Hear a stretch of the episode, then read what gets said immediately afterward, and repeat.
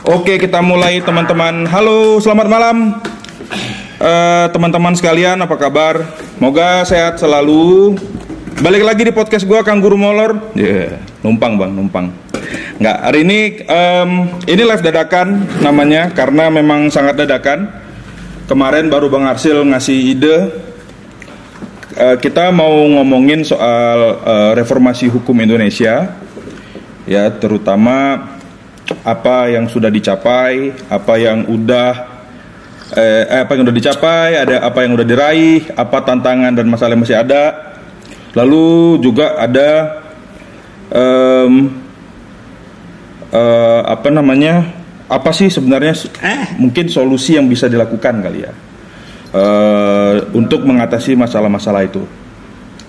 Oke, Eh, pertama ya, mungkin kan ini Bang Arsil ini, gua kenalin dulu Bang Arsil, teman-teman ini adalah salah satu senior gua di kantor di lembaga kajian dan advokasi independensi peradilan atau LAIP.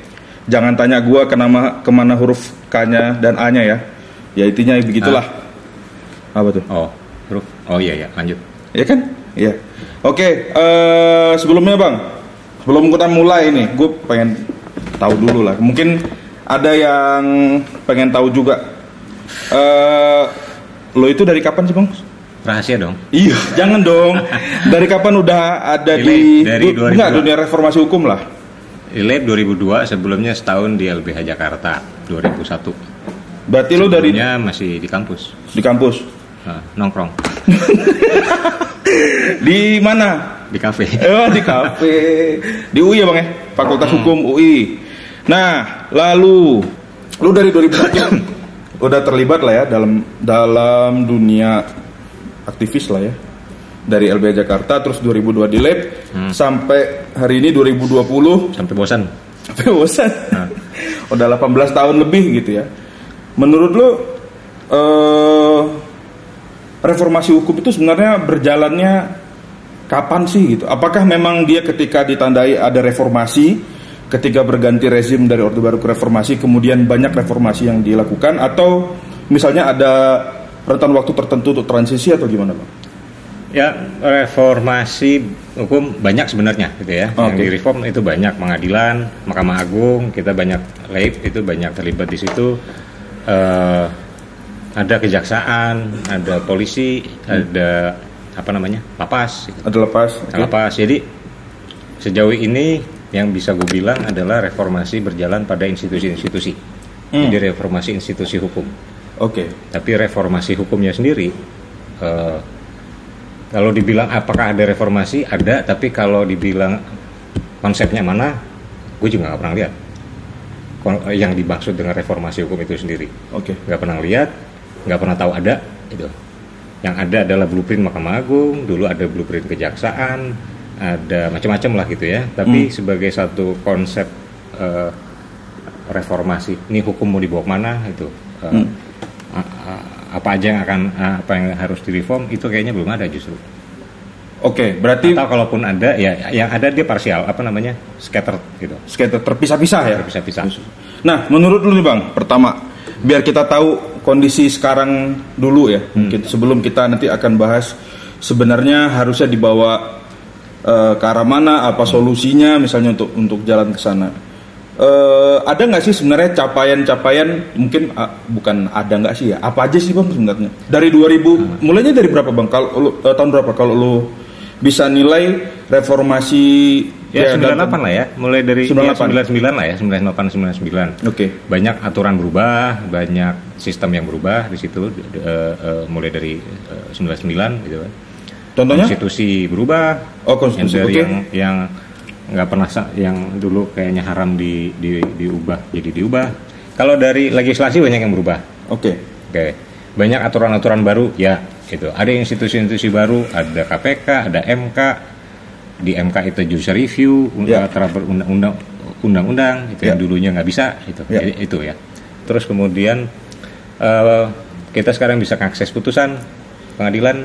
Oh, itu ter- oh, iya, iya. Nah, dulunya susah banget. Dulunya Sebelum 98 susah. sebelum 98 susah. Oke. Jadi eh, apa namanya untuk bisa dapat putusan itu cuman bisa dapat dari buku himpunan jurisprudensi Oke. atau dari buku-buku orang yang yang mengutip atau bukan mengutip kadang ada putusannya Hmm, atau oke. dari varia peradilan gitu tapi putusan yang keluar langsung dari pengadilan masih fresh gitu ya eh, eh, itu nggak ada nggak ada aksesnya kalaupun mau dapat itu kita harus izin ke ketua pengadilan dan itu biasanya cuman bisa diizinin kalau untuk kepentingan skripsi buat buat riset lah ya tapi Ya. untuk sekedar dapat pokoknya gue mau baca itu ya bu- buat buat tidur atau apa segala macam itu nggak nggak bisa Oke. itu nah itu salah satu salah satu apa eh, perkembangan Bentuk reformasi di bentuk dunia reformasi. hukum lah ya. Jadi kalau dilihat dari apa yang terjadi sekarang transparansi eh, jauh lah dibanding dulu ya. Oke.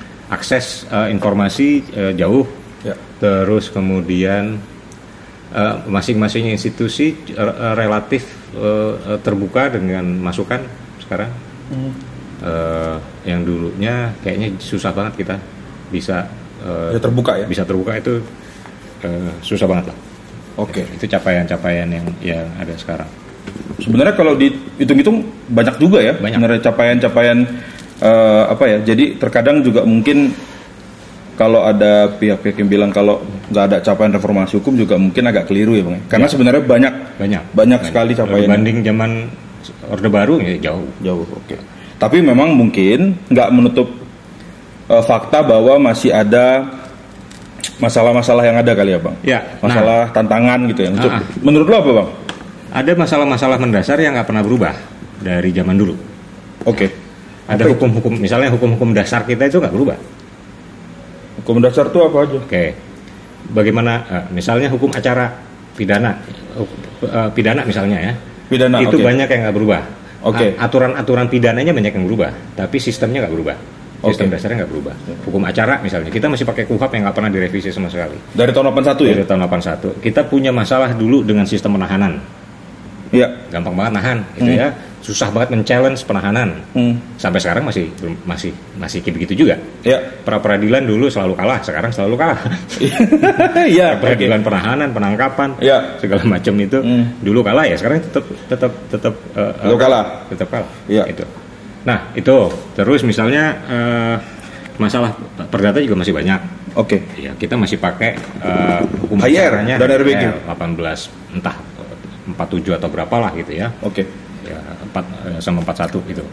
Itu. Jadi sistem basicnya itu belum berubah. Oke. Ya, itu. Eh, ya bisa dilihat dari sistem itu sistem itu sendiri kan diatur eh, di undang-undang gitu Ya. undang-undangnya nggak pernah nggak pernah direvisi baru mau direvisi Oh, tapi gagal baru Ya. mau diganti apa diusul mau ada kuhab baru tapi nggak be- belum berhasil Belum berhasil, tapi ya. juga eh, di antara itu sembari menunggu eh, sistem-sistem yang yang dari dulu bermasalah tadi ya misalnya sistem penahanan terutama menurut gua salah satu masalah yang paling mendasar dari pidana itu penahanan ya Penahanan. Oke. Ah, karena eh, itu menyangkut eh, kasasi ya Ya. Hak asasi manusia. Ya. dan dan implikasinya banyak nanti soal bagaimana kemudian dia bisa eh, tersangka dan terdakwa bisa melakukan pembelaan kalau Ya. lo ada di penjara ada, ada di ada di rutan gimana lo bisa menyiapkan pembelaan kalau nggak punya lawyer Ya, betul. akses bantuan hukum walaupun udah mulai bag- udah mulai banyak gitu ya ada eh, dana bantuan hukum Ya. tapi secara secara global kayaknya masih tetap rendah Oke. itu baru itu dari kuantitas belum dari kualitas Oke. Ya. Jadi jumlah yang yang mendapatkan bantuan hukum dengan jumlah apa prosentasenya itu masih kecil lah. Oke. Belum belum kita ngomong soal itu kan baru di atas kertas ada Ya. mi- sekian persen da- ada uh, pendamping tapi yang real di, di didampingi secara optimal berapa persen akan jauh lebih kecil lagi. Ya. Itu dari sisi hukum acara, mungkin bang. Ada Ya. nggak misalnya eh, bidang hukum lain yang eh, misalnya undang-undang parsial gitu, yang masih menyisakan masalah gitu dan tidak pernah ada eh, perubahan gitu. Eh, banyak eh, apa nggak nggak nggak terlalu banyak kalau ngomong parsial tapi kalau kita ngomong hukum gue Hmm. membagi hukum itu kira-kira eh, dalam eh, eh, eh, dua kelompok ya Hmm. Eh, dalam dua dua pengertian satu hukum sebagai satu aturan yang mengatur bagaimana kita bagaimana subjek itu berperilaku Hmm. supaya tidak terjadi sengketa konflik Ya. dalam bidang apa pun, dalam urusan apa pun, itu satu. Yang kedua, kalau sudah terjadi sengketa, Ya. maka bagaimana menyelesaikannya? Oke. Itu hukum itu bisa dibagi menjadi dua itu aja. Dua itu, oke. Dan yang ini oke yang, yang dari substance-nya eh, eh, eh, banyaklah perubahan. Tapi ketika bagaimana eh, eh, how to eh, eh, apa Menyel- menyelesaikan- mengimplementasikan ya. nah, menyelesaikan dispute-nya Oh, oke. itu nggak banyak berubah ya sama juga bohong. Oh, ya. Karena Oke. pada akhirnya hukum yang dilihat sama masyarakat sama kita gitu ya itu adalah bagaimana dia diselesaikan. Ketika ada sengketa diselesaikan bukan bukan aturan-aturan normatifnya. Oke. Karena aturan normatif kalau dilang, eh, terjadi pelanggaran tapi nggak Nggak bisa di-enforce ya, eh, atau terjadi eh, permasalahan dalam enforcement dan juga tidak bisa di diapa-apakan percuma. Oke. Nah, ini gue tuh mau tanya satu hal bang. Misalnya kan ini di ini terkait advokat nih. Kan advokat sekarang eh, apalagi semenjak putusan MK itu kalau nggak salah ya. Itu kan jadi eh, banyak bar dan kemudian masing-masing Hmm. eh, apa namanya mengklaim bahwa dirinya adalah pihak yang salah. Nah, itu sebenarnya masuk nggak bang sebagai salah satu masalah yang ditinggalkan akibat tidak adanya perkembangan atau reformasi hukum itu. Eh, ini Menurut lo?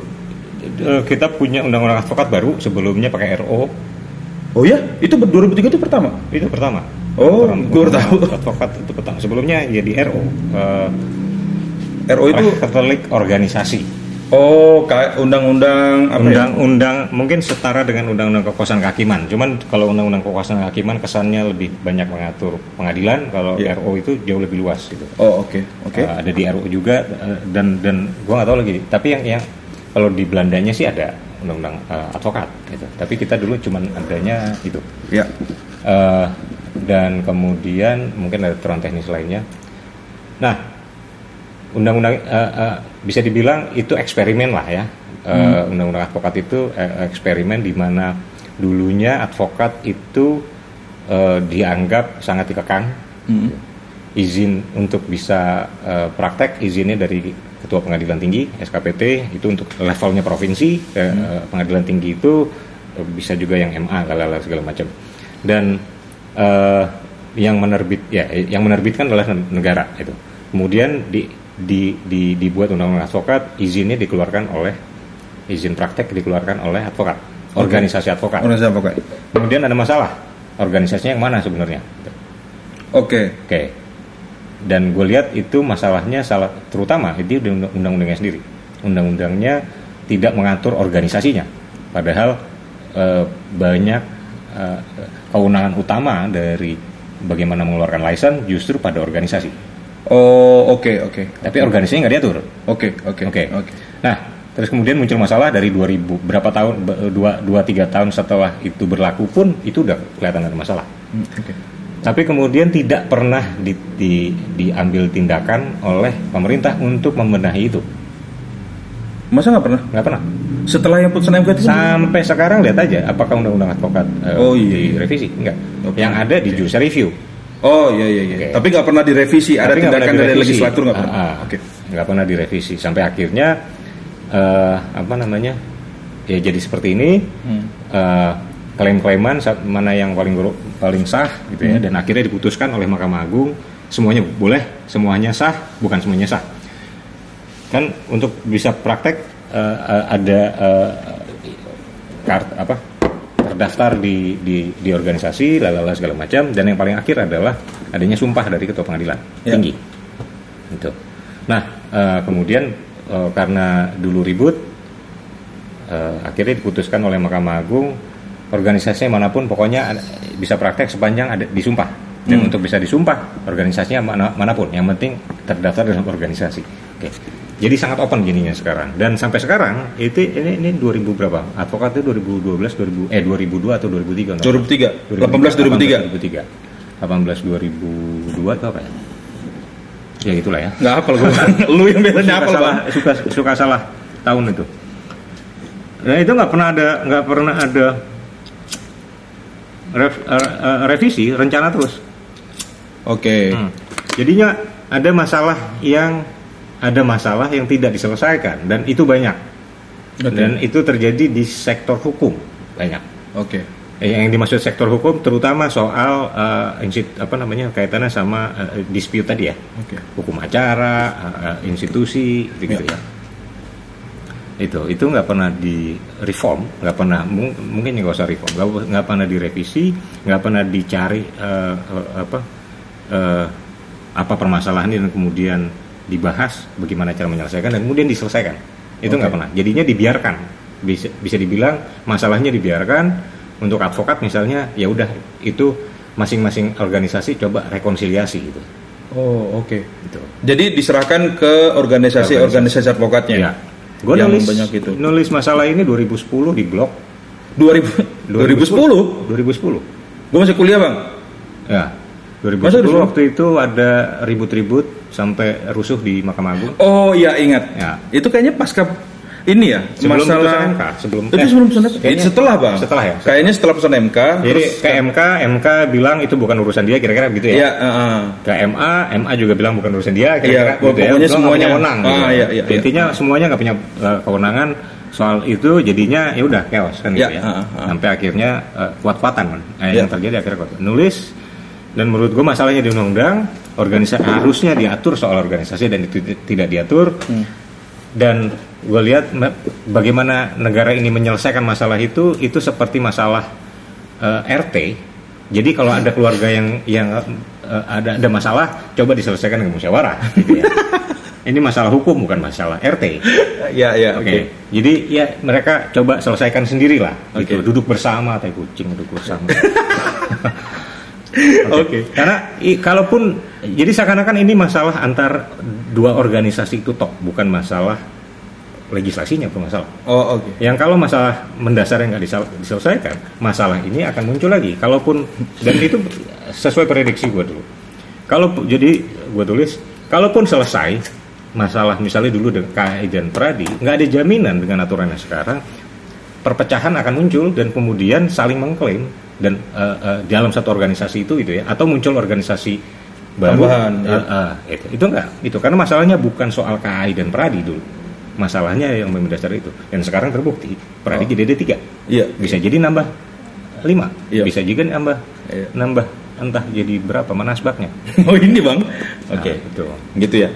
Nah, eh, capaian sebenarnya banyak, tapi masih memang meninggalkan eh, beberapa masalah ya, terutama kalau Bang Arsi bilang tadi tuh masalahnya banyak di masalah hukum tentang eh, dispute-nya dan tentang penyelesaian dispute-nya Hmm. dan juga tentang ada eh, undang-undang parsial salah satu contohnya misalnya si undang-undang advokatnya tadi ya. Ya itu itu cuman salah satu eh, Ya, salah satunya. eh, eh, contoh. Tapi yang yang yang paling penting dari dari undang advokat itu eh, masalah di advokat dan juga di masalah di yang lain sebenarnya kita bisa tarik sebenarnya.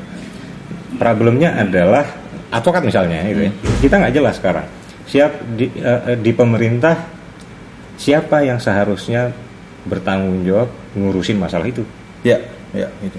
Bahkan misalnya contoh nih kalau advokat karena gue udah dulu dan udah eh, Nulis. nulis itu ya Hmm. bahkan badan hukumnya aja apa undang-undangnya nggak ngatur Oh, badan hukum si organisasi advokatnya Advokat maksudnya. itu nggak diatur Oh iya ya, iya iya iya iya. iya. apakah dia adalah satu bentuk baru yaitu organisasi advokat Ya ya. ataukah dia yayasan ataukah dia perkumpulan Iya, CV.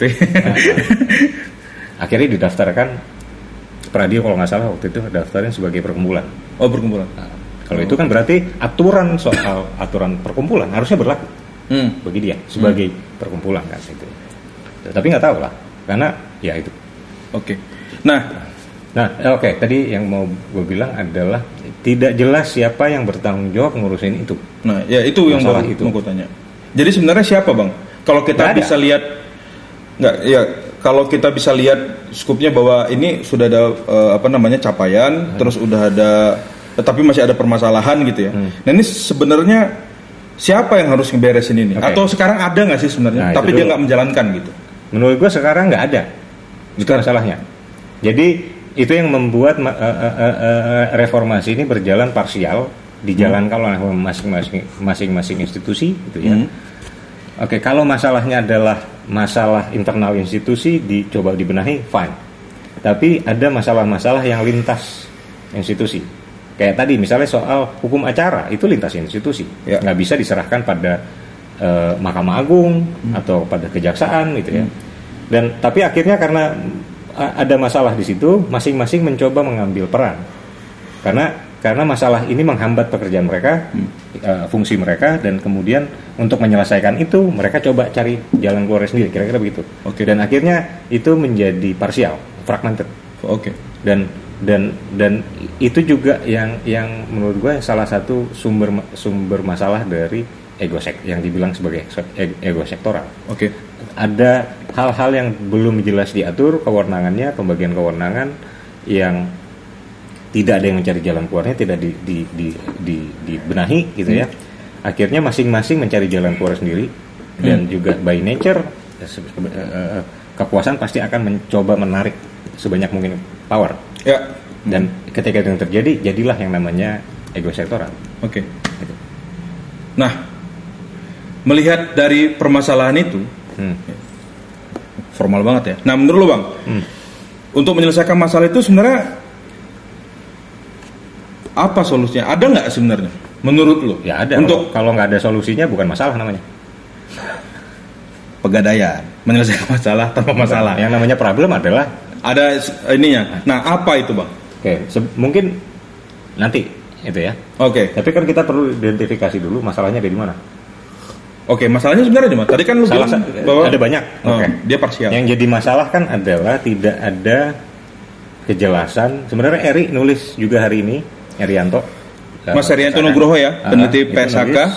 nulis di online. Silakan baca teman-teman. Itu sama lah kira-kira pandangan gua dengan dia ya. Ya.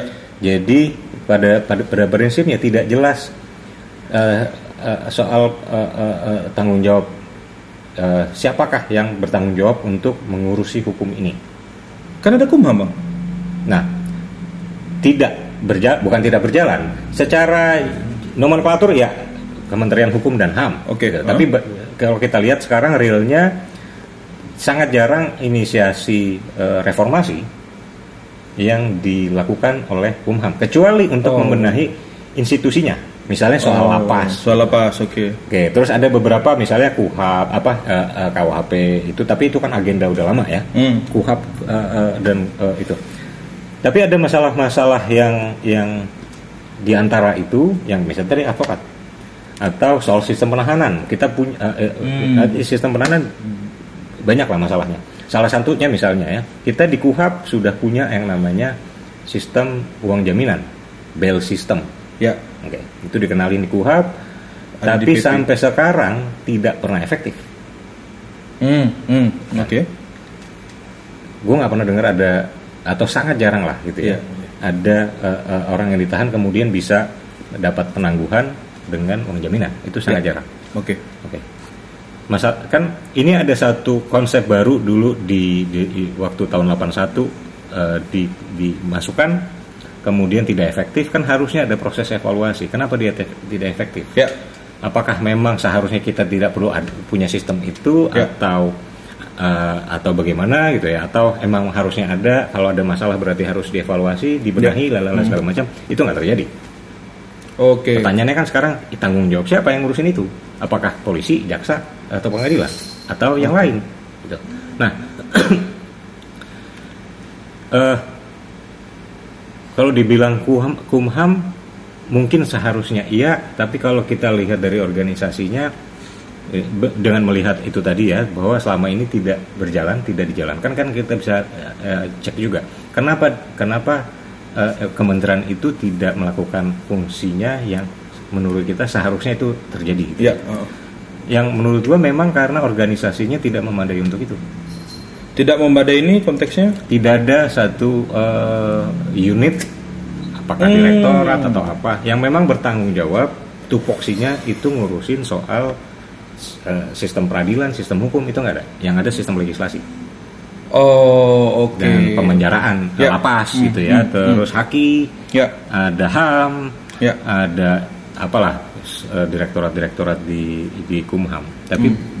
eh, urusan si si si sistem hukum Ya. nggak ada. Ah- ada AHU administrasi hukum umum, tapi di pelayanan publik, Oh. pendaftaran badan hukum kayak gitu-gitu ya. Ya, Kalau ya. dibelejetin organisasinya kelihatan eh, bahwa AHU bukan bukan mengurusi administrasi sistem hukum, Ya. tapi administrasi hukum kaitannya dengan Pelayanan eh, publik. pelayanan publik. Ya.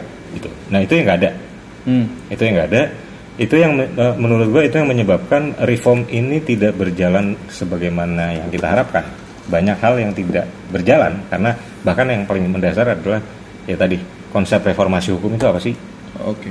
mau seperti apa gitu ya Oke. itu nggak ada eh, eh, Desain ya, yang ada desain. desain. ya satu bisa jadi perlu ada desain kalau Ya. kalau ada desain kan harus ada yang mengontrol Oh apakah iya iya iya. eh, eh, apa prosesnya berjalan sesuai dengan agendanya atau tidak itu siapa gitu Hmm. nggak nggak ada gitu Hmm. yang ada balik lagi tadi Mahkamah Agung punya blueprint Ya. ada yang mengontrol Hmm. ada tim pembaruan kejaksaan dulu ada ya kayak gitu ya tapi itu kan institusi masing-masing institusi Ya. Jadi masalah em, ketika problemnya adalah lintas institusi Hmm. ya contoh sekarang lagi covid nih Ya, kela gimana dong? ya ya Mungkin ada dampaknya kan berarti? ada dampaknya. Soal bagaimana pengadilan harusnya berjalan secara dalam situasi ini kan juga nggak apa Oh iya ya. Pada akhirnya itu si diselesaikan oleh masing-masing. Iya iya iya iya. kemudian masing-masing punya masalah dengan dengan yang lain. Iya iya iya iya iya iya. iya. Misalnya soal mau sidang ternyata apa si eh, soal penahanan eh, lapas Ya. punya kebijakan rutan lapas eh, dirjen lapas lah punya Ya. kebijakan begini pokoknya nggak boleh ada yang masuk. Ya, Nah, ini eh. punya masalah. Eh. Kalau eh, apa kalau nggak bisa kita kirim ke lapas Hah. Numpuk di sini. Iya. Oke, terus diselesaikan mereka sendiri. Iya iya iya iya iya iya benar benar benar. Nggak ada yang dalam tanda kutip menengahi lah, kira-kira begitu ya. Begitu juga dengan pengadilan. Ada sidang, bagaimana persidangannya? Hmm, hmm. Gitu. Pengadilan sendiri yang harus mikirin M- M- MA sekarang bikin itu, itu inisiatif yang bagus gitu ya. Tapi kan ada mas dalam proses persidangan itu juga ada ada kaitan dengan institusi yang lain. Itu Hmm. yang harus di yang seharusnya ada ada eh, eh, eh, institusi yang lintas eh, itu eh, apa bukan lintas sih sebenarnya yang beyond itu yang mengurusi masalah-masalah lintas organisasi tadi Oke.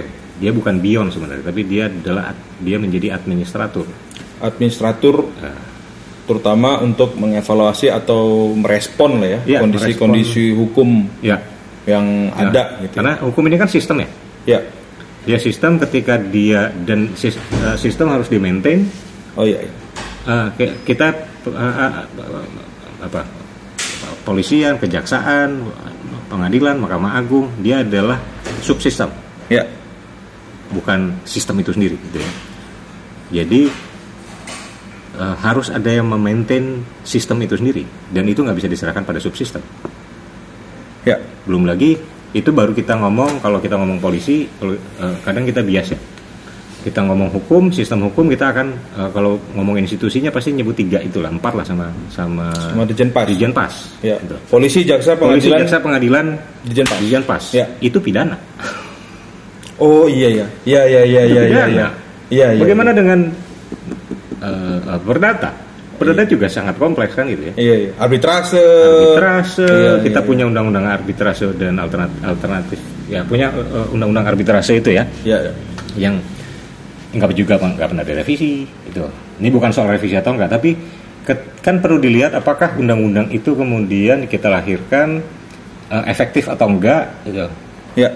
Kalau nggak efektif, eh, kemudian bagaimana me- membuat dia menjadi efektif, dievaluasi bla bla segala macam. gitu. Jadi mirip iklan iklan rokok. Eh tunggu nih. Ini videonya potong-potong ya? Oh, sinyalnya jelek. Internetnya. Ya Allah, bagaimana kami harus menghadapinya? Sinyalnya ini Maaf ya teman-teman kalau kepotong-potong. Ini memang disambung-sambungin aja nanti sendiri. nanti versi mungkin yang nggak kepotong-potongnya agak enak itu ada di podcast saya di Kangguru Molor. Silakan nanti. Eh, ya? bagaimana caranya kita menyikapi ini? Itu. Nah ini coba. Mudah-mudahan nggak kepotong-potong lagi. Oh ada Bang Leo. Halo Bang Leo. Iya yang bilang. Oh Bang Leo, oh, mirip merokok itu Bang Leo. Halo Bang Leo.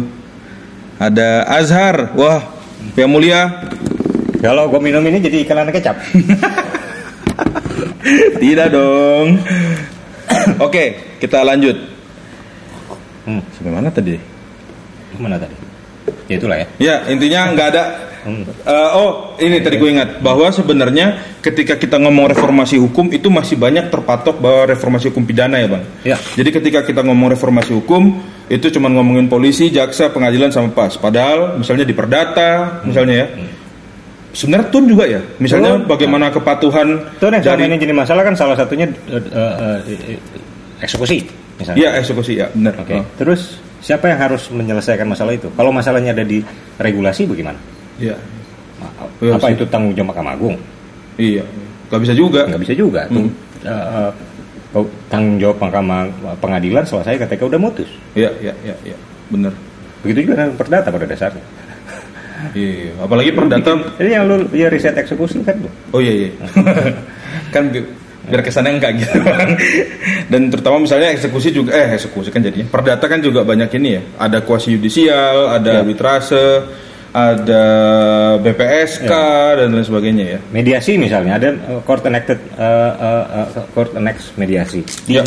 Oh, jauh sinyalnya berantakan dong. Kaget dia.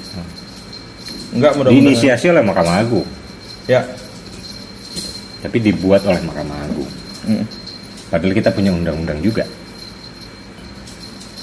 Undang-undang arbitrase itu kan dan eh, apa? Iya ya. Dan alternatif penyelesaian sengketa. lainnya. Iya. Dan di dalamnya ada mediasi. Maksudnya dalamnya ada Ah, ada. Pokoknya dia bukan cuma undang, bukan aturan arbitrase toh, tapi eh, mekanisme penyelesaian sengketanya. eh, non pengadilan kan? Itu bedanya ya. Orang yang rajin baca undang-undang sama tidak. Saya tidak tahu kalau itu ada. Kemarin ada masalah di di di di Bani. Konflik Iya. juga kan? Oh iya benar. Iya iya benar benar benar. Nah, Nah, kayak gitu-gitu jadinya kesannya yaitu masalah organisasi. hmm, Padahal organisasi itu lahir ya misal advokat karena undang-undang. dan tidak ada Dan, eh, dan kewenangannya yang balik lagi ke, ke advokat misalnya ini Hmm. mungkin agak sedikit menyimpang tapi menurut gue penting karena ini mencerminkan masalahnya ya. ya. Eh, eh, undang-undang advokat misalnya itu sangat lucu karena dia mem- apa ya, mengatur soal kewenangan, memberikan kewenangan hmm, bukan hak tapi kewenangan. Hmm, dari negara memberikan kewenangan kepada sekelompok eh, eh, eh, subjek Hmm. yang namanya organisasi advokat ya untuk bisa menentukan apakah warga negara bisa praktek atau tidak hmm. dengan bentuk izin beracara. Oh, beracara. Ya. Itu kan kewenangan. Oke. Jadi ini ada hak asasi orang, hak orang yang diatur bukan oleh negara, tapi oleh organisasi. Dari mana dia dapat itu? Dari undang-undang. Oh, oke. Nah. Tapi organisasi sendiri Nah. nggak diatur. Organisasi yang diatur dan tidak punya mekanisme pertanggung. Kita sebagai publik, bagaimana nggak nggak ada nggak ada eh, mekanisme untuk meminta pertanggungjawaban itu. Kan secara konseptual ini kita ngasih hak nih. Hak Ya. kita kan kita serahkan sebagian ke negara. Ya. Hmm. Jadilah dia menjadi Kontroversial. Ah, ah, dia menjadi power, menjadi authority, jadi Ya. kewenangan. Kewenangan itu kemudian bisa mengatur kita, mengurangi hak kita. Ya. Itu. Dan kemudian si negara mesubkonkan dan, dan sebelum ke situ eh, dengan dengan itu maka timbal baliknya adalah kita bisa minta pertanggungjawaban. Hmm. Itulah kon- konsep kontrak sosial. Tapi kemudian ada sebagian isu eh, si negara itu mensubkonkan eh, powernya yang kita berikan tadi Hmm. gitu, kepada sekelompok orang yang namanya organisasi yang kemudian dia tidak perlu bertanggung jawab ke negara karena negara tidak bisa ngapa-ngapain terhadap si organisasi ini Oh iya. kan lucu Iya benar-benar. Lalu di mana perlindungan negara terhadap hak asasi kita? iya Itu pertanyaannya. Ah. Iya, iya, iya. jadi ada negara di luar negara sebenarnya Iya, iya, iya. Iya, Iya iya. kan? Iya, iya. jadi sangat powerful sebenarnya itulah kenapa muncul banyak organisasi dan saling ribut karena power itu Oke, oke. Dan tidak pernah ada yang atau tidak pernah ada usaha usaha atau upaya untuk eh, memperbaiki kondisi ini. selain dari eh, eh, mencoba menyelesaikan dengan cara eh, kayak RT tadi ya Oh iya, musyawarah. kekeluargaan duduk, Duduk bersama, bersama. Kayak ngopi, ini kita duduk bersama. Nah, berangkat dari situ, Bang. Eh ada masalah lain atau misalnya menurut lo ada nggak solusi Ah, bukan ada ya. Tadi kan lu bilang pasti ada ya. Apa sih sebenarnya men- menurut lu solusi yang eh, paling tepat untuk eh, ngurusin soal atau apa ya, memperbaiki permasalahan permasalahan yang ada untuk mencapai sebuah reformasi hukum yang baik. Ya, kita bisa bagi masalahnya gini, ada ada ada banyak level masalah ya. Ya. Ada masalah di se- masing-masing sektor, Ya. ada di pidana, ada di perdata, di Ya. di masing-masing itu juga nanti ada sub-sub masalah lagi gitu Hmm, ya. hmm. Pidana nanti ada soal sanksi gitu. Ya. Ada masalah apa? Ba- banyak lah gitu ya. Ya. Tapi kan yang yang paling penting itu adalah harus ada dulu yang bertanggung jawab mengurusi masalah itu Oke. supaya masalah itu bisa diselesaikan. Ya. Karena kalau kita punya banyak mas- masalah, kita punya banyak solusi, tapi nggak jelas siapa kemudian yang bertanggung jawab ngurusin itu, maka solusi itu akan hilang ditelan apa? Bumi. Kucing. Aduh, iya. Dan kita punya banyak, eh, eh, eh, misalnya ya, NGO lah gitu ya. Ya selama inilah kita kira-kira kita ngeliat masalah kita punya punya rekomendasi misalnya gitu ya apa SIJR pu- eh, eh, KPP urusan, Leo misalnya gitu ya over capacity bagaimana cara menyelesaikannya Ya. lalala, segala macam tapi itu lintas eh, institusi ini Ya, ya, masalahnya ya, ya. lebih besar dibanding masalah eh, pas karena Ya. dia terjadi karena dari sistemnya dari hulu ke hilir gitu ya Ya. ada ada rekomendasi tapi kemudian kita bingung ini mau dikasih ke siapa Ya. ke, ke pem- ya ke pemerintah tapi kan pemerintah itu luas ya, Ya, banyak. Ya, Banyak ketika- pihak. banyak pihak ketika misalnya kita kasih ke presiden pun gitu ya Hmm. tapi kemudian kita nggak bisa membayangkan nanti presiden akan menugaskan siapa karena tidak ada yang memang di- bertanggung jawab untuk itu ya akan percuma Hmm, hmm. jadi untuk bisa menyelesaikan masalah-masalah yang lain kita harus menyelesaikan masalah ini dulu masalah eh, eh, apa namanya eh, soal siapa yang punya tanggung jawab atau berikan tanggung jawab untuk mengurusi masalah-masalah itu. Nanti Oke. setelah itu ada baru kemudian bukan baru ya eh, eh, satu persatu masalah-masalah itu barulah kita bisa selesaikan. Tapi kalau nggak ada institusinya, ya nggak akan ke mana-mana juga. Berarti menurut lo cara menyelesaikan si apa ya permasalahan-permasalahan yang ada saat ada banyak. Ada banyak Nah, ini. Ini masalah ini nggak tunggal ya. Ya, oke. Kita nggak nggak ada ganda panasea, ada satu oh rekomendasinya ini ini akan menyelesaikan seluruh masalah Ya, gitu ya. oh, oh. Eh, bu- mungkin nuklir lah. Iya. Ya, menyelesaikan masalah itu. Iya dong. Jangan dong. Kita nggak ada lagi kan. Iya, iya, iya. iya. Masalah juga hilang kan. Iya, iya, iya. Itu. Tapi selain itu nggak ada tuh so- itu karena masing-masing eh, permasalahan, masing-masing eh, isu punya permasalahannya kompleksitasnya masing-masing. Ya. Tapi untuk memulai itu Mulai itu harus ada yang tanggung jawab itu dulu. harus ada yang bertanggung jawab Nah, untuk harus mengevaluasi. ada bahasa eh, sederhananya mungkin eh, administrator sistem hukum ini. Administratif sih Ya, hukum sistem- karena dia sistem yang seharusnya nanti eh, bertanggung jawab untuk melihat apakah sistem ini sudah berjalan, sistem hukum ini sudah berjalan sesuai dengan tujuannya atau enggak, ada kendala atau enggak. Kalau ada, maka dia harus mencari eh, eh, jalan keluarnya, gitu ya. Kemudian mengevaluasi, gitu ya. Dan juga memikirkan bagaimana sistem ini bisa lebih efisien lagi, bisa lebih efektif lagi. Hmm. Nggak cukup ber- eh, sistem ini berjalan, enggak, gitu ya. Tapi kalau masih bisa diefisienkan, bisa diefektifkan, ya itu. Karena tujuannya pada akhirnya adalah supaya orang eh, eh, lebih mudah lagi mengakses hukum. Oke. Itu, Eh, itu. Nah, eh, kalau kita bandingkan, kalau kita lihat di banyak negara, Nah, itu baru mau tanya. oke, Negara lain. negara itu biasanya clear, Oke. clear yaitu ada di satu De- Department of Justice. Oke. Ya, Berarti padanannya di sini main kumham. seharusnya padannya padanannya Menkumham, tapi Oke. kemudian kan nggak cukup kita lihat itu, kita harus juga Oh, yang lo bilang tadi. melihat bagaimana struktur organisasinya. Ya, gitu ya, ya, oke. Kalau kita bandingkan struktur organisasi DOJ di banyak negara, Hmm. Gua yang udah gue coba teliti adalah Belanda, Jepang, Korea, Prancis, Jerman. Jerman tadi udah belum? Belum. Belum. Jepang lupa. tadi ya. Jepang udah. Terus apa lagi tuh Denmark itu. Banyak Banyak kan bisa bisa cek internet, gampang sekarang. Iya. Oke. Oke, itu dulu. Dari dulu. dari dari situ tergambar bahwa si eh, eh, u- urusan sistem hukum ada yang ngurusin yaitu mereka dan tergambar dalam struktur organisasinya Oh, Oke. baik itu secara ada ke eh, apa unit dan juga Unit. kewenangan berarti. Ya, Oh, oke. Ben. Ini Kita Oh. itu begitu ngomong hukum yang dalam pengertian sistem hukum ini, itu kira-kira cuman ada di eh, kelihatannya ada misalnya di perundang-undangan, tapi kan Hmm. perundang-undangan itu luas. Apalagi kalau melihat struktur organisasinya, dia ngomongin perda, dia ngomongin perancangan, Ya. dia ngomongin eh, harmonisasi, itu struktur Ya. organisasinya tiga itulah kira-kira ya Ya. sama dokumentasi. Oke. Dan tiga ini kan aspek hukumnya eh, eh, isunya luas.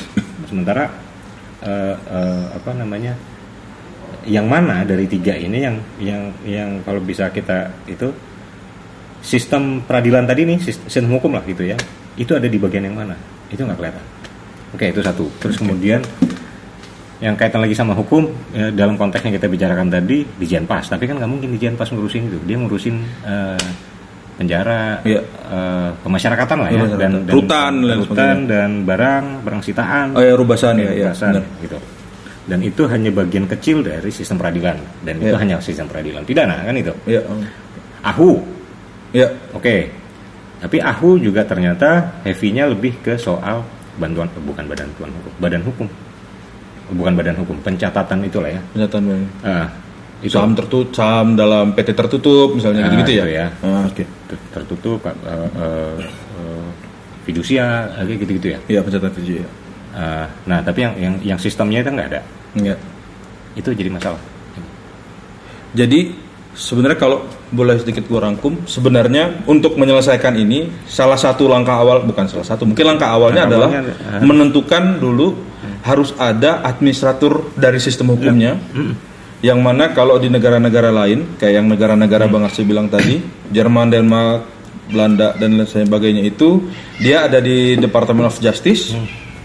Yang sebenarnya padanannya ada di eh, ada di kita di Kumham, Kumham. harusnya di Kumham, tapi secara organisasi di Tidak Kumham memadai. tidak memadai karena nggak punya unit dan punya Ya. kewenangan untuk itu Ya. Kumhamnya. Oke, berarti itu itu sebenarnya ini ya bang, heavy-nya.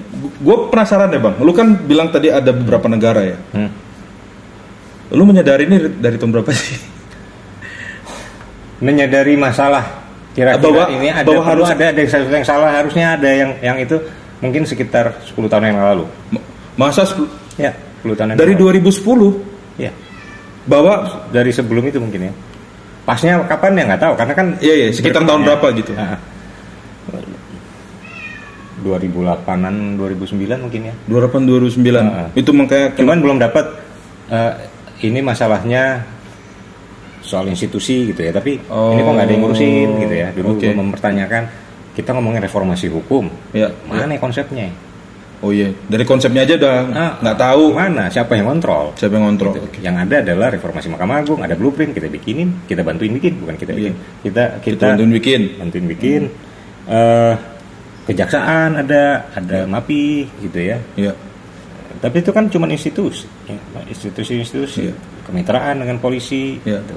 terus kan kita nggak bisa bilang itulah sistem hukum enggak itu bagian dari sistem hukum Iya, iya, iya, iya. Jadi intinya eh, apa namanya gambar besarnya lah Gambar sebenarnya ya. Yang ngurus gambar Iya. besarnya ini nggak ada gitu ya. baru mulai mulai baru mulai agak lebih serius lagi ya setelah terutama setelah Google Translate mulai sangat canggih gitu ya.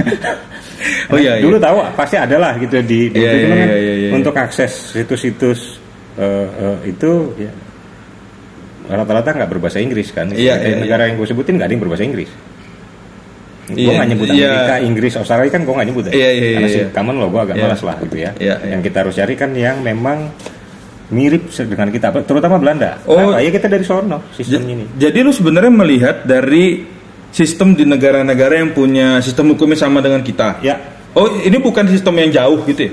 Maksudnya jauh itu kan. i- iya, nggak maksudnya Belanda itu jauh loh. Maksudnya berbeda sistem hukumnya. Kan iya, Bang. berbeda sistemnya, tapi tradisinya. Iya, tradisinya maksud gua. Oke, Itu iya. tradisinya sama berarti rootnya. Iya, si, gue juga melihat dari negara-negara common law. Cuman kan ada banyak perbedaan negara-negara Iya, ah, ah. berbahasa Inggris itu ya. Heeh, heeh, heeh. Negara-negara selain dari soal itu, mayoritas adalah sistemnya federal. Oh, iya Nah, itu kan juga satu va- variabel yang penting ya. Iya, heeh, heeh. Karena agak susah ditentukan Agak- nantinya agak jadi susah. Ah, ah, ada ada negara federal, ada negara bagian, Iya, lalala, kompleks lah gitu ya. Iya. Agak agak ribet. Udah gitu, common law masalahnya adalah eh, kita nggak terbiasa dengan regulasi mereka.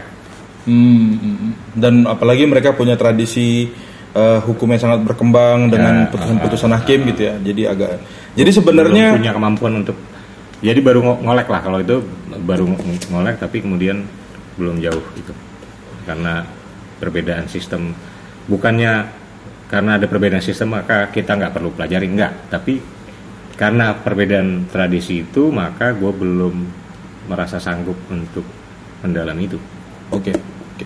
Berarti sebenarnya konsep dari adanya administrator of justice kali ya, administrator Nah, of nah, eh, apalah itu itu iya. untuk sementara kita kasih nama itu dulu Oke, nama itu ya. Karena istilah itu administrator untuk si reformasi hukumnya lah, untuk sistem hukum ya. Ya, sistem hukum. Itu bukan apa ya, bukan hal yang jauh dari tradisi hukum Indonesia sebenarnya. enggak bukan Karena negara-negara dengan tradisi hukum yang sama dengan Indonesia juga sebenarnya juga udah menerapkan itu, gitu Iya. ya. Oke, oke. gitu Menurut lu susah nggak bang? Obstacle-nya apa kira-kira bang? Obstacle-nya adalah eh, kalau kita belum menyadari bahwa itu masalahnya, itulah obstacle terbesar. Wow. Menurut lu juga belum ya? Belum terlalu. Belum terlalu. Ah. Terutama dari para ininya. Ya, Para penegak hukumnya. ah, itu kita masih belum menyadari bahwa ada masalah yang seperti ini nih. Oke. Gitu. Bukan. Jadi eh, balik lagi ada level ada level masalah kan. Ada masalah-masalah di di sektor-sektor itu dia harus dibenahi gitu ya. Tapi ada masalah yang lebih mendasar dari itu yang lintas organisasi karena kita paling enggak selama level reformasi ini sudah tidak memiliki organisasi itu eh, eh, fungsi itu jadinya kesannya enggak itu di luar ini lah ya Hmm. karena balik bolak-balik setiap kali kita paling enggak gua gitu ya kalau ngomongin soal eh, masalah eh, reformasi hukum pasti dijawabnya adalah dengan kan kita udah punya kan ada kejaksaan ada pengadilan ada MA ada Hmm. polisian ada dijen pas ada kumham balik Hmm. lagi itu pidana Ya, ya, ya, ya. Padahal hukum bukan cuma soal pidana, ya. Ada perdata, ada tun gitu bang. ya. pidana pun banyak masalah yang tidak sanggup diselesaikan oleh masing-masing institusi Ya, secara parsial nggak mampu. capacity misalnya ya Iya. itu sangat lintas organisasi Ya, yang kita bisa ngelihat dari atas nih dari dalam tanda kutip kita ngelihat oh masalahnya ini ini harusnya penahanan dikurangin Hmm. gitu ya ada mekanisme yang lain Eh, sistem pemidanaan harus di, diubah sedikit gitu ya denda di diefektifkan Iya. untuk itu maka ada, ada langkah ini yang harus diambil terus apalagi gitu ya Eh, banyak tuh tapi itu karena kita ngelihat dari luar Ya, Nah, tapi kita nggak punya power untuk bisa melakukan itu Ya. karena kita bukan eh, pemerintah kan gitu ya. ya. Nah, yang peran yang ini yang tidak ada di pemerintah. Oh, Peran kit- dalam tanda kutip kitanya orang-orang yang di luar dari sistem, dari pelaksana bukan sistemnya, dari dari subsistem itu yang kemudian bisa ngeliat kayak ya lo musisi gitu ya, Wis. ya kan? Kalau habis rekaman kan mesti dicun Ya, ya betul. apa equalizer. Iya, iya. Ah, Di balancing. di balancing kan Iya. gitu ya. Oh, yang ini bassnya ketinggian, Ya, kecilin dikit, kan gitu-gitu ya. Ya, ya. kan kalau kita ngomong over overcrowding, over capacity kan masalahnya itu harus ada yang ngecun Iya, iya. siapa ini Oh iya, yang selama ini itu dilakukan oleh masing-masing institusi masing-masing parsial. Ah, ah. Kalaupun dilakukan. kalaupun dilakukan Oh iya iya iya. Oke. Jadi kalau gue bisa eh, nyimpulin dari awal, pertama pokoknya reformasi hukum udah berjalan dari 98 lah setidaknya ya. ya Udah ada banyak capaian, eh, termasuk misalnya dalam dunia peradilan itu sudah banyak. Lalu tantangan-tantangan masih ada, terutama dari eh, aturan-aturan yang mengatur tentang dispute-dispute, lalu penyelesaian dispute-nya, lalu ada tadi Bang Arsil banyak cerita soal eh, masalah di undang-undang advokat ya. Dan sebenarnya banyak masalah lain. karena ditanya iya dong. Dan eh, semua permasalahan itu berawal mungkin ya dari tidak adanya eh, apa ya unit ya mungkin bukan organ unit atau organ Unit, yang ya pokoknya ada satu ya yang punya kewenangan itu di di pemerintah terutama Ya, di pemerintah terutama di pemerintah ya karena itu tugas eksekutif untuk mengadministrasi mengadministrasi ya, sistem hukumnya. tugas yudikatif yudikatif tugasnya adalah kalau ada dispute penyelesaian. Diselesaikan. ya diselesaikan ya. Oke. Dia bukan regulator. Ya, dia bukan. Jadi eh, bahwa tidak ada unit itu yang tadi baru disampaikan Bang Arsil dan sebagai langkah awal sebenarnya itu yang dibutuhkan. Adanya penentuan siapa sebenarnya regulator atau administrator lah ya. Si sistem hukum ini reformasi, evaluasi dan segala macam yang mana kalau di negara-negara lain teman-teman itu dilakukan di bawah eh, Department of Justice. Kalau padanannya di Indonesia itu adalah Kumham. eh, Kumham Dulu Depkeh. dulu Detkeh gitu mungkin ya. dulu dulu di Depkeh itu mungkin lebih cocok. Ada ada, ada ini ya. Ada bagiannya dulu. Dulu Oh, eh, coba riset eh, struktur organisasi yang lama ada yang namanya Direktorat Hukum dan eh, Perundang-undangan Hah? dan pembagiannya direktoratnya itu berdasarkan bidang hukum menarik oh pidana oke. perdata eh, tata usaha negara dan satu lagi internasional kalau salah gitu ya tapi itu di Detkeh konsepnya di. Tuh, Jadi sekarang dulu nggak ada. Oh, Jadi ada dulu ada HP eh, eh, hukum dan eh, perundang-undangan gua atau sing- eh, singkatannya dulu apa tapi hukum dan perundang-undangan. Sebelumnya lagi gua belum belum dapat eh, informasinya gitu ya. Dan ada Badilum Tun, Badan Peradilan Umum Mentun. ya yang di bawah kum- kehakiman Ah, dulu Ya. Nah, kan kalau Badilum Tun itu ngurusin pengadilan dan kepegawaiannya, ya bukan ngurusin sistem secara besar ya itu kita bisa lihat eh, nanti apa namanya kalau di Belanda itu ada yang model itu di bawah direktorat yang namanya judicial system kalau nggak salah ya atau apa gitu Eh, ada yang soal judicial ada gitu ya. Tapi eh, sistem itu tidak diurus oleh itu. Ada lagi yang lain kira-kira begitu ya. Nah, dan pembagian di di di direktorat hukum perundang-undangan itu menurut gue menarik. Karena dibagi berdasarkan hukum yang dasar. Dan menurut gue itulah yang penting. Oke. Gitu. karena hukum ini mau sekompleks apa pun dasarnya tiga itu kira-kira ya ya ya perdata pidana administrasi Iya. Ah. Karena pada akhirnya yang lain akan menyesuaikan. Ya. ya. Misalnya agama kan sebenarnya konteksnya Ya. ada yang perdata, ada yang pidana Ya. kalau di Indonesia. Ah, ah. Begitu ya. dan dari situ kan nanti ada substance-nya ada di dispute-nya ada soal bagaimana menyelesaikan eh, sengketanya kan itu Oh. Jadi sebenarnya itu, eh, itu dulu dulu begitu Oke, terus oke. kemudian dia berubah lah dipecah lah entah kapan belum dapat eh, dapat eh, data resminya data bukan resmi data data pastinya Hmm. kemudian pecah menjadi dua perundang-undangan dan ahu hmm.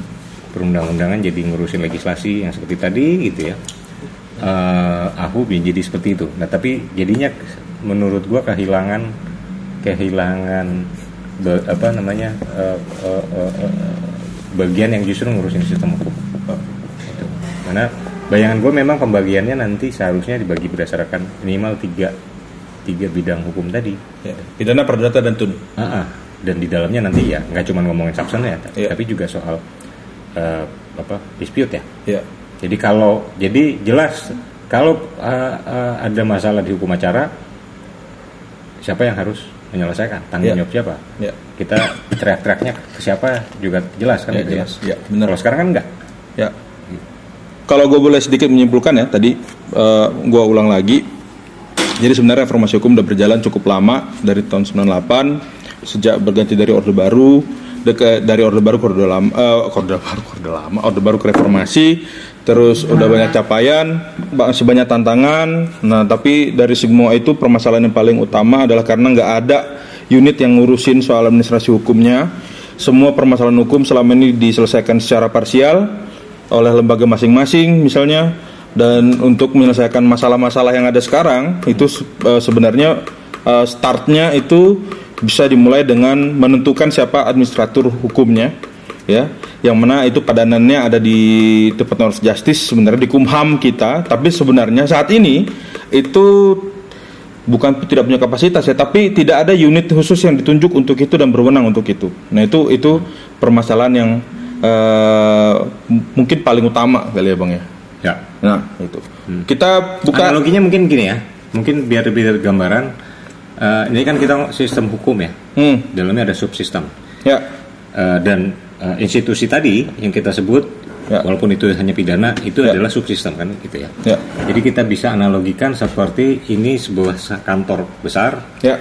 Google misalnya gitu ya. Hmm, yang semua membutuhkan komputer ya masing-masing ada bagian masing-masing lalala segala macam punya komputer masing-masing kira-kira Ya. gitu ya Hmm. sederhananya begitu ya hmm.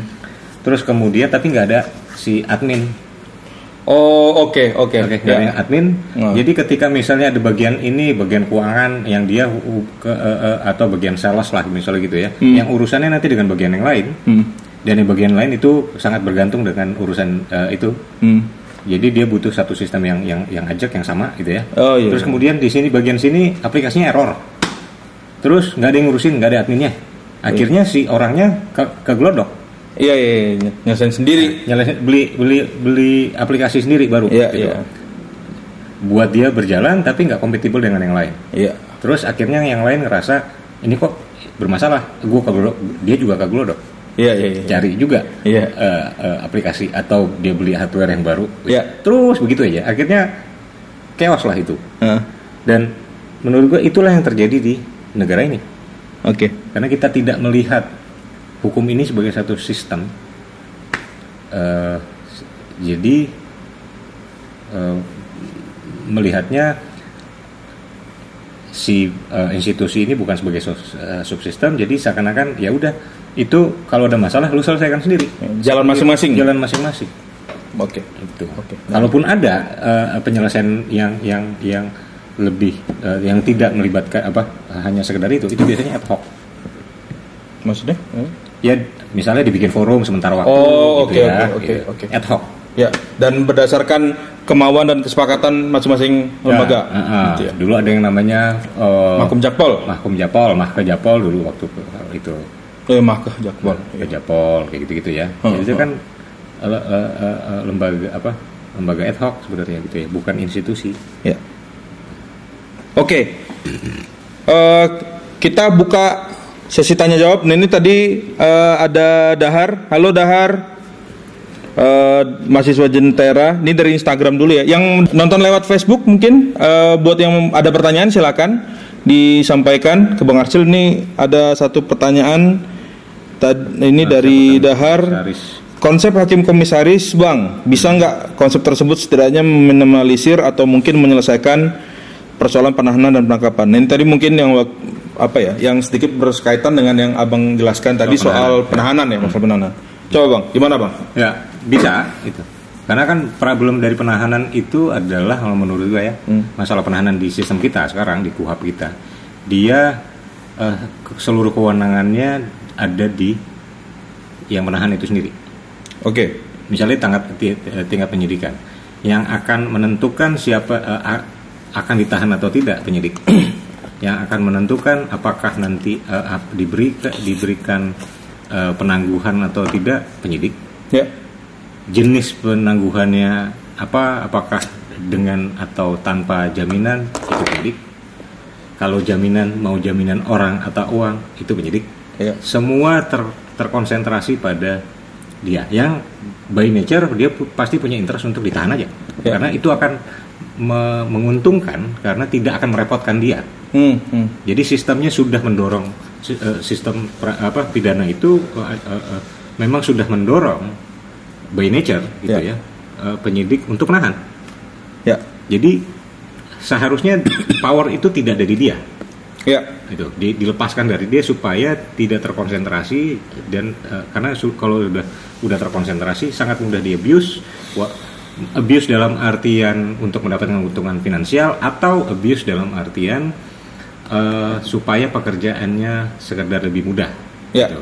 Jadi eh, karena masalah administrasi akan jadi, jadi lebih mudah. Jadi nasib orang ditentukan dari apakah eh, akan apa itu akan memudahkan si penyidik atau tidak. Nah eh, itu yang harus diselesaikan dulu gitu. Nanti apakah kemudian eh, kewenangan untuk eh, menentukan ya akan ditahan atau tidaknya itu di kom- komisaris atau atau yang lain itu nomor dua sebenarnya. Tapi yang yang pertama adalah power itu harus dikeluarkan dulu dari dia. oke. Jadi sebenarnya secara konsep itu memang bisa menyelesaikan masalah penahanan tadi ya. Hmm. dahar ya. Tapi memang masalahnya juga harus ada yang memikirkan tentang desain si hakim komisarisnya nggak sih bang? Iya. Sebenarnya, Iya. gitu. Kalau memang mau, mau kalau kita apa ya? Kalau kita hubungkan ya dengan dengan eh, bahasan sekarang, ya itu tadi gitu. Mungkin itu adalah sebuah eh, apa terobosan yang baik gitu. Tapi Ya, dia di di di, di eh, kuhap sebenarnya di rancangan kuhap udah masuk ya. hmm, hmm. Dulu namanya hakim komisaris terus diubah menjadi hakim memeriksa pendahulu tapi intinya pada dasarnya sama. Ya.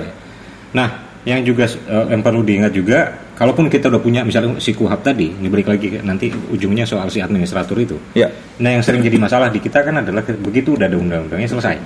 ya, Padahal ada tahapan-tahapan selanjutnya ada sosialisasi apalah segala macam ada proses persiapan yang harus dilakukan yang itu sama pentingnya dengan undang-undang dengan aturan itu sendiri karena Hmm. aturan itu kalau nggak ada infrastrukturnya nggak disiapkan lalu segala macam nggak akan selesai Ya. nah, ketika misalnya kuhap dia udah jadi atau KUHP Hmm. KUHP udah jadi terus kemudian tidak ada yang mema- me- me- me- memantau mengevaluasi mengontrol Ya. apakah kemudian uh, a- aturan-aturan pelaksana it- yang dibutuhkan itu di ada Ya, ya. atau kemudian ada kendala dalam regulasi itu sehingga perlu direvisi Ya. gitu. Nah, itu yang, yang yang yang belum jelas. Kita bisa melihat di bercermin juga sama KUHAP waktu itu yang menunjukkan dulu uh, si Depkeh menjalankan fungsi itu. Setelah KUHAP uh, keluar 8, 81 dia baru berlaku kan dua dua dua tiga Dua, ta- dua tahun gitu ya. 83. 83 Kumham Depkeh waktu itu mengeluarkan Permenkeh pedoman pelaksanaan KUHAP ini menjelaskan PP. PP Permenkeh? sebelum PP Oh, Permenkeh sebelum. sebelum tahun 82 Oh, iya, iya, iya, tahun benar, 4. benar, Permenkeh eh, nomornya selalu lupa gua karena panjang judulnya sama dengan PP itu pedoman Iya. pelaksanaan KUHAP Iya. yang kemudian menjelaskan si KUHAP ini maunya apa sebenarnya Ya. narasi kan sebagian itu narasi Hmm. menjelaskan menjelaskan oh pasal ini artinya begini pelaksanaannya harusnya begini lalala segala macam Hmm. baru kemudian terus kemudian ada PP-nya karena Hmm. PP itu mandat mandat si undang dibuatlah PP-nya terus kemudian karena masih ada masalah di lapangan dikeluarkan lagi Permenkeh tahun 84 revisi tambahan pedoman KUHAP gitu. nah jadi eh, eh, si- dan itu dikeluarkan oleh Menteri Kehakiman Hmm, hmm, ya. gitu. nah itu yang harusnya eh, eh, ada peran itu yang harusnya juga ada Ya. eh, apa eh, nanti gitu ya. Ya. Yang dengan kondisi eh, sistem yang sekarang, struktur yang ada sekarang, gua khawatir itu tidak akan terjadi. Karena memang tidak ada unit dan kewenangan yang diberikan. Ya. Tidak Karena si ada unitnya unit. harus paham, memang harus tanggung eh, eh, eh, tugas tanggung jawabnya ngurusin itu. Karena Ya, kalau ya, ya. kalau enggak ya eh, susah. Ya. Dia nggak akan paham apa apa problemnya gitu. Ya. ya. Sehingga kalau nggak paham problemnya kan juga susah ngomongin solusi mau kayak gimana. Ya. Gitu ya, Dahar. Masih ada nggak? Tadi WhatsApp Dahar biasa ini. Kita sekalian sapa-sapa dulu. Ini nggak bisa kelihatan ya siapa aja nonton ya. Pokoknya ada Mbak Esti, terima kasih Mbak Esti sudah nonton. Ada Edwin Yonatan. Edwin Yonatan ini, uh, dia nonton Win, lu nonton di mana Win? Lu nonton di Di Facebook apa di Instagram. Instagram dua-duanya? mau nunjukin kalau dia punya dua HP. Oh, mentang-mentang jadi hakim ya sekarang. Edwin ini dulu adalah uh, anak lab, peneliti di lab. Sekarang menjadi hakim. Hakim. di Sibolga. Ya, jadi teman-teman yang ada di Sibolga tujuannya bukan untuk nemuin supaya mempermudah ya, tapi tolong diawasi itu makhluknya. Eh, lalu ada Mas Dio Asar. Halo Mas Dio, assalamualaikum, waalaikumsalam. Tadi udah dijawab ya. Eh, Direktur dari IJRS. Ya, IJ, Sekarang, sekarang bukan Dio Asar namanya. siapa? Dio Isya. Dio Isa, Kan Isa. karena sudah Isa. ya ada Bang Dio juga. Terima kasih Bang Dio. Eh, ada Mbak Dian Rosita. Ini salah satu peneliti lab, peneliti senior di lab juga. Eh, ada Azhar. Ini hakim pengadilan agama. Ya Azhar. Eh, apa namanya? Di mana tapi Azhar? Coba Azhar, komen Zar kalau masih nonton Zar. Di mana lu bertugas? Tadinya Azhar itu peneliti di Elsam ya, di Elsam gitu. Sekarang jadi eh, hakim agama. Lalu ada Bang Leopold Sudaryono eh, orang yang sangat banyak membahas soal apa ya overcrowded. Tapi sebenarnya sistem hukum secara keseluruhan sih. Tapi fokusnya lebih banyak Bang Leo ini di pemasyarakatan ya. Saya belum pernah ketemu tapi sudah banyak mendengar cerita-cerita hebatnya lah dari Bang Arsil dari Bang Erasmus terutama Erasmus Napitupulu. Tadi di mana ya dia nonton Ya, ini ada pertanyaan nih di Instagram. Mbak Esti nih, pertanyaan Bang, Mbak Esti, Ya. Bang Arsil. Jadi yang direkonstruksi Kumham aja ya, Arsil? Sejauh Coba. ini iya, bukan aja, mungkin belum belum apakah pakai aja atau enggak gitu, Ya. tapi dia harus di di reform, restrukturisasi bukan reform lah ya. Karena kalau reform kesannya ada masalah. Ya. Mungkin gua nggak mau terlalu jauh bilang apakah ada masalah atau enggak, tapi ada ada fungsi yang kurang. Ya fungsi itu harus tercem eh, eh, untuk bisa menjalankan fungsi itu maka harus ada eh, organisasi atau institusi yang atau unit yang memang bertanggung jawab untuk itu. Jadi sebenarnya bukan hanya sebenarnya bisa belum jadi tentu. belum belum bisa jadi nggak cukup hukum ham Ya. itu tapi yang pertama itu dulu kan itu ya di restrukturisasi perlu ada mungkin ya apakah restrukturisasi dibongkar semua atau enggak tapi yang penting ada satu direktorat mungkin ya yang memang eh, tupoksinya atau eh, tanggung jawabnya itu yang mengurusi sistem ini gitu. jadi seperti gabungan antara MAPI, LEIP, ICJR, Iya. apalagi tuh itu Eh, ngumpul jadi satu lah, JDS. kira-kira. JD- JDS itu Hmm. ada eh, eh, itulah gitu ya itu itu eh, si si eh, itu jadi pekerjaannya seperti yang kita lakukan eh, itu cuman ini resmi dari dari dari negara Ya. dari pemerintah gitu. Ya. Dan mungkin seperti yang banyak juga dilakukan oleh eh, Bapak Nas juga ya, yang Iya. mulai Iya. apa mem- memulai untuk kemudian meng, apa ya? Kalau saya itu. menginisiasi bahasa saya itu mengorkestrasi kali ya. Ya. Jadi menjadi apa namanya penghubung ketika kita teman-teman masyarakat sipil juga eh, banyak ngasih masukan, ngasih ide ke pemerintahan, pasti juga eh, Bapak Nas banyak membantu gitu. Ini Mbak Esti yang bertanya kita perlu dari Bapak perlu perlu coba pelajarin di negara-negara lain. Ya. Eh, kan kita juga perlu dapat bayangan gitu nanti kira-kira si unit ini ngapain sih gitu Ya, iya kerjaannya gitu ya Ya ya ya ya. gue coba udah pernah coba sekali ngobrol dengan orang DOJ Belanda Ya. yang di bagian legislasi eh, legal system kalau nggak salah ya lupa apa. Hmm. Tapi dia eh, dia menceritakan apa yang dilakukan oleh eh, eh, subdirektorat atau direktorat eh, apa sih namanya intinya eh, criminal justice chain. Hmm. Ya. Itu yang dilakukan adalah setiap bulan si bagian ini melakukan pertemuan dengan pengadilan, jaksaan, eh, eh, eh, jaksa dan kemudian polisi Hmm. untuk tahu untuk mengidentifikasi ada masalah apa di lapangan. Hmm. Jadi tapi memang dia ini apa namanya ditugaskan gitu ya? Memang Itu tugasnya dia. Oh, tugas justru- itu. Dari kan dari situ ketika udah dapat masalah, terus kan dia yang akan mencarikan solusinya. Apakah Hmm. nanti bisa jadi masalahnya dari regulasi, bisa jadi bukan gitu ya. Hmm, hmm. Eh, kalau regulasi ya kemudian dia akan follow up kira-kira begitu. Nah itu yang fungsi ini yang yang yang yang harusnya ada di kita. Oh nah, gue jadi kepikiran nih bang, dikit. gue pengen bahas dikit sama bang. Sebenarnya gue ada agak. Itu baru yang pidana ya. Oh, iya, iya. Lagi jangan sampai kita berhenti mikirnya masalah kita cuma di sistem peradilan pidana. Enggak. Iya, iya. Ini sistem hukum. Sistem hukum ya? Sistem hukum. Nah ini terkait eh, ini sih pertanyaan intinya adalah apakah nanti misalnya si administratur ini juga punya eh, apa ya kewenangan untuk kemudian mendorong sebuah kebutuhan hukum ke, itu yang diatur sama kementerian di luar hukum gitu. Jadi konteksnya apakah sebenarnya si administratur hukum ini adalah ngurusin si soal-soal hukum ini, aparatur hukumnya atau hukum yang ada di negara ini. Misalnya gini, gua ngambil contoh satu Paham. eh, ini Ya. masalah ganti rugi.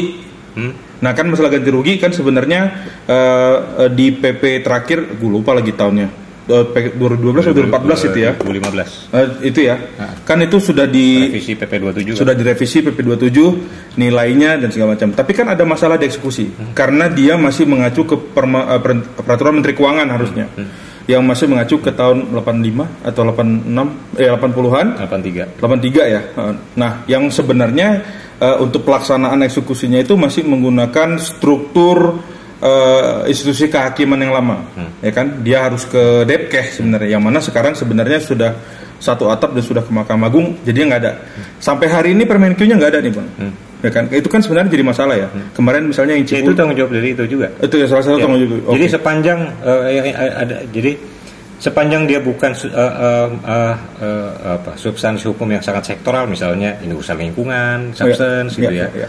Ta- Tapi kalau begitu urusan-urusan hukum sektoral tadi berkaitan dengan soal dispute, maka itu menjadi tanggung jawab dia. Karena Oke. skupnya adalah soal sistem eh balik pem- bagian dua besar tadi ya. Termasuk eh, dan intinya adalah dia yang harus memastikan bahwa regulasi dalam sektor hukum ini itu bisa efektif. Oke, oke.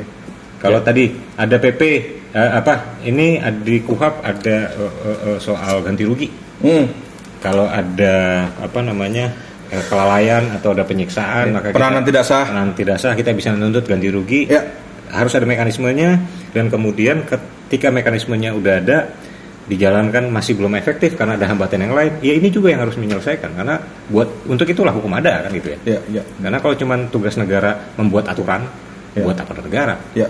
Berarti Pakai sebenarnya, kelurahan aja.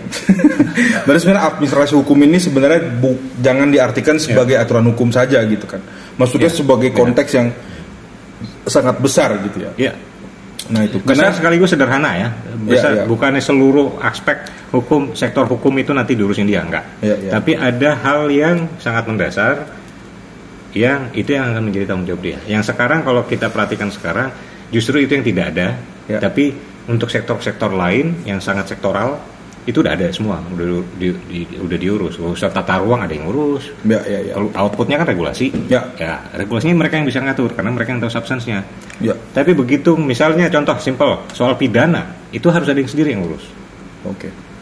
Ya. Ya. Termasuk regulasinya dia harus memastikan regulasi pidana di luar apa di undang-undang atau aturan-aturan yang akan dibuat yang sifatnya sektoral itu harus selaras dengan Ya. sistem hukum pidana yang sifatnya nasional. Ya, ya, ya, itu. Karena kalau enggak nanti berantakan sistem kita dan itu yang terjadi sekarang. Sistem hukum pidana kita berantakan. Ya. Itu mungkin kalau boleh cerita juga sedikit kemarin tahun 2018 sampai 19 eh LAIP ya dan gue tergabung di dalamnya itu mengadakan riset soal eksekusi berdata juga sebenarnya. Ini masih satu scoop ya, masih satu wis berganti. Masih satu scoop soal eh, hukum acara perdata yaitu eksekusi. Nah itu juga punya masalah tersendiri yang banyak sektor apa namanya lintas sektor tuh bang. Misalnya kayak eh, apa namanya eh, penyitaan saham misalnya aset kalau sahamnya terbuka gimana, kalau sahamnya tertutup gimana, lalu pemblokiran eh, rekening juga masalah gitu ya. Jadi memang eh, ini sangat dibutuhkan sih sebenarnya apa sih administrasi administrator of ah, administrasi sistem hukum lah gitu ya. Oh ada pertanyaan lagi dari Mbak Esti bang. Ya. Kalau dimodif dengan peran jaksa bisa nggak sebagai yang punya dominus litis? Nah, gimana bang? Problemnya adalah balik lagi masalah kita sis- eh, sistem hukum kita masalahnya beyond pidana. Eh, jadi jaksa kejaksaan sekarang heavy-nya ke pidana walaupun mereka punya datun, Ya, tapi di situ fungsinya adalah dia menjadi pengacara, kan? Itu negara. bukan sebagai administrator. itu. Kalaupun dia mau ditaruh unit ini mau ditaruh di kejaksaan bisa, Eh, mungkin bisa kita pastikan bisa lah kira-kira begitu ya. Tapi yang jelas tetap harus akan ada perombakan di kejaksaan, nggak bisa eh, dengan frame yang sekarang dan harus di kita harus eh, belejetin lagi supaya fungsi ini nanti bisa berjalan, orga- struktur organisasinya harusnya seperti apa. ya, Gitu. Jadi nanti kita bisa bisa bisa lokalisir dulu nih struktur organisasinya kira-kira seperti ini nanti dia bisa ditaruh di kejaksaan bisa ditaruh di itu itu bisa disesuaikan itu sebenarnya bisa jadi nggak nggak nggak bermasalah nggak Ya. masalah gitu ya ya contohnya di negara-negara common law DOJ-nya adalah kejaksaan kan gitu ya, ya jaksa agung, jaksa agung menterinya. gitu. ya. dan itu menjalankan fungsi itu jadi bisa gitu Eh, tapi apakah eh, kalau ditanya apakah itu harusnya fungsi kejaksaan enggak bisa ditaruh di situ ya Oke, tapi mau ditaruh di situ atau enggak kalaupun ditaruh di situ maka tetap akan ada perombakan. Jadi isunya nanti mau dipan- ditaruh di mana pun institusi yang akan ditaruh itu harus dirombak. Ya, karena harus ditambahkan bagian ini. Apakah di, eh, eh, mungkin direk, setingkat eh, eh, direktorat jenderal eselon satu apa direktorat jenderal lah gitu ya. Eh, ada eselon satunya gitu ya. Karena isunya sangat besar. Jadi intinya pokoknya desain si unitnya ini sendiri dulu kan. Iya. Desainnya dulu, baru eh, desainnya dulu, terus baru kewenangannya sejauh apa, Nah. eh, baru mungkin bisa eh, kemudian ditentukan Hmm. dia paling cocok masuk di lembaga mana dan kemudian di lembaga itu juga pasti akan harus ada eh, Harus apa namanya adaptasi lah ya, Adaptasi. diadaptasikan Ah. gitu ya. Eh, banyak hal yang harus disesuaikan gitu. Nah kita balik lagi kita perlu pelajarin mm, bagaimana organisasi struktur organisasi DOJ yang menjalankan fungsi itu di di negara-negara lain untuk dapat gambaran kira-kira seharusnya kita seperti apa. Oh, Oke, Gitu. Nanti bukan kita nggak perlu niru, tapi kita perlu pelajarin ya, ya. supaya dapat gambaran gitu. Karena di tiap negara juga akan be- be- sebenarnya beda-beda gitu ya. Tantangannya beda-beda juga. Tantangannya ya. beda, strukturnya beda, tapi selalu terlihat eh, fungsi itu ada di kementerian ini. Misalnya Perancis dia ngebagi ada kriminal, direktorat kriminal, eh, eh, eh, pidana gitu ya, direktorat ini direktorat jenderal eselon 1, per- eh, sivil, civil matters, criminal matters, terus kemudian judiciary judiciary matters, apalagi gitu ya. Eh, Belanda juga ada yang satu eh, dibagi itu soal judicial judiciary system atau administration of justice system Eh, dan ada eh, soal penitentiary sendiri Hmm. correction correction gitu soal eh, anak soal penjara soal eh, ya gitu gituan itu itu eh, direktorat jenderal yang terpisah yang sini ngomongin soal sistem. Hmm. gitu. Jerman lupa adalah itu ya. Terus tapi rata-rata itu dia akan ngebagi eh, terutama ada satu yang eh, ngurusin pidana ada yang ngurusin pidana perdata.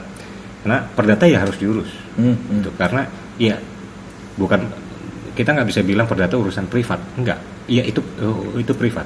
Tapi begitu dispute kita membutuhkan negara Ya, dan ya. negara harus menyediakan sistem yang efektif. Ya, ah, karena kalau enggak buat apa ada negara? Balik lagi Iya. cukup kelurahan. Ya. ah. Mm, nanti kita selesaikan dengan duduk bersama. Itu mungkin ini juga kali bang. Dalam beberapa ini ya apa beberapa literatur kan juga membedakan antara pidana perdata kan itu ya. Bahwa perdata ini kan sifatnya sangat privat dan sebagaimana sema- segala macam eh, yang pada akhirnya dalam beberapa apa nih ya, beberapa privat iya tapi jangan dibayangkan privat seprivat itu sam- sampai Iya. ini urusan masing-masing enggak. Contohnya apa? Kita punya yang namanya hukum perdata Iya, iya. BW gitu ya Berkelek Book iya iya, iya. urusan privat itu diatur dalam undang-undang. Undang-undang. Itu adalah milik negara. nah itu. Ada jadi HIR ada hukum acaranya kan itu ya? Iya, iya. iya. Sifat privat itu adalah sifat dari dis- dispute-nya sebenarnya, dispute antara orang-orangnya gitu. Bukan bahwa ketika privat maka negara tidak punya ada tanggung jawab Ah, ah. untuk eh, ini. Gitu. Kalau sistem eh, eh, perdata itu eh, eh, eh, tidak diurus dengan baik, gitu ya, eh, maka ya so kalau kita dari, dari kacamata kacamata investasi gitu ya, Hmm. jadi jadinya tidak ada kepastian hukum karena nggak jelas kalau lu kon- eh, eh, ada dispute Penyelesaian gimana? penyelesaiannya gimana, efektif atau enggak, kalau pakai eh, eh, eh, mekanisme negara pengadilan Hmm. akan efektif atau enggak gitu ya. Putusannya predictable atau enggak, Hmm. eh, kayak gitu-gitu ya. Itu Ya. jadi bermasalah. Dan buat non non itu untuk yang masalah sehari-hari eh, eh, eh, orang biasa juga ketika kita tahu misalnya ada orang utang dan kalau kita eh, eh, pakai mekanisme negara eh, perdata tidak akan efektif maka pilihannya cuma dua kita selesaikan sendiri Hmm. salah satu dalam menyelesaikan sendiri adalah duduk bersama Iya. atau pukul-pukulan kan itu ya Iya, iya, iya. atau di push ke pidana dan itu yang terjadi sekarang Oh iya, iya. didorong ke Didorong masuk pidana ya. itu. Misalnya itu efek dari ketika kita nggak memikirkan soal eh, eh, eh, urusan perdata yang dibilang privat tadi. Itu ketika Misalkan, ah, ketika dia dipus pidana maka pasal yang paling sering adalah penipuan Penipuan, dan penggelapan. lima tahun maksimal ditahan. Empat tahun ya? Empat tahun yang mana? dua-duanya empat tahun. Oh ya tapi bisa ditahan. Tapi bisa ditahan. tapi bisa tahan ada pengecualian di pasal dua satu ya? 21 ayat empat. empat. Dan 21 jadinya overcrowded lagi masalah lagi gitu ya. Eh, itu mungkin Mbak Esti terima kasih Mbak Esti Mbak Esti adalah eh mbak di eh, Direktur Hukum dan Perundang-undangan di Bappenas. Terima kasih Mbak Esti sudah berkenan untuk eh, bergabung dan berbagi pertanyaan gitu. Mungkin kalau ada silakan Mbak, ada lanjutan pertanyaan. Ini dari Facebook, kayaknya ada ayem. Ini dari Mbak Hesti lagi. Makasih ya nanti please bahas bareng lagi sama Bappenas dan IJRS ya. Oke. Lagi buat kajian soal tersebut terinspirasi dari Kakak Arsil. Oke, oke. Oke, siap, Mbak. Terima kasih Mbak Esti, Direktur Hukum dan Perundang-undangan dari Bappenas. Oke lah ini karena ada sepi, udah malam juga. Eh, terima kasih teman-teman. mungkin next episode tentang kucing nah itu mungkin menarik kalau teman-teman mungkin ada hal-hal yang menarik untuk dibahas ya, bisa mention-mention kita aja di bisa di Facebook gua ini, bisa di Instagram ya di Instagram, bisa juga di Twitter kita. Twitter gua di @aziazizi Bang Arsil. Masih di Syukur ya? masih. at Lisra Syukur eh terus di Instagramnya juga at Lisra Syukur di Facebooknya juga Lisra spasi Syukur. Pakai spasi? Pakai spasi. Lupa gua. ya itu Eh, dan mungkin kalau sekalian promosi kalau mau baca tulisan-tulisan kita. Asik. Bang Arsil punya blog namanya gimana sih misalnya? Kerupuk kulit. Kayaknya satu ya di tengah. Karena kemarin kerupuk kulit. Nah, kerupuk kulit. Nah, kalau K-nya di tengah-tengah ada dua, nanti teman-teman akan menyasar kepada sebuah website yang wadaw Esek-esek. esek-esek gitu. Jadi kemarin sempat ada apa eh apa ya namanya Eh, penikmat blognya Bang Arsil lah yang komplain. Ini kenapa blognya Bang Arsil jadi Di situs porno. jadi situs porno? jadi hati-hati ini kerupuk kulit kayaknya satu ya di tengah kerupuk. Sebenarnya bukan bukan situs porno sebenarnya, tapi situs lagi dijual. Oh, lagi Cuman- dijual. Cuman gambarnya cewek Iya, seksi gitulah. iya. gitu. Anim, anim. Karena setahu gue dulu kerupuk kulit ada dan isinya lain lah gitu ya. Oh, iya. Kayaknya jualan kerupuk kulit beneran dulu. Gitu. Hah? iya kalau nggak salah gitu. Hmm, gue juga baru tahu setelah gue bikin kerupuk kulit. kerupuk kulit. Iya. Atau di blog gua Kangguru Malas, podcast gua juga ada Kangguru Molor. Mungkin itu aja teman-teman. Terima kasih banyak yang sudah bergabung.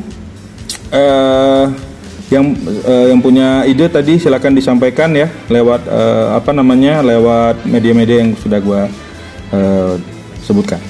Oke, terima kasih. Kalau begitu, thank you and see you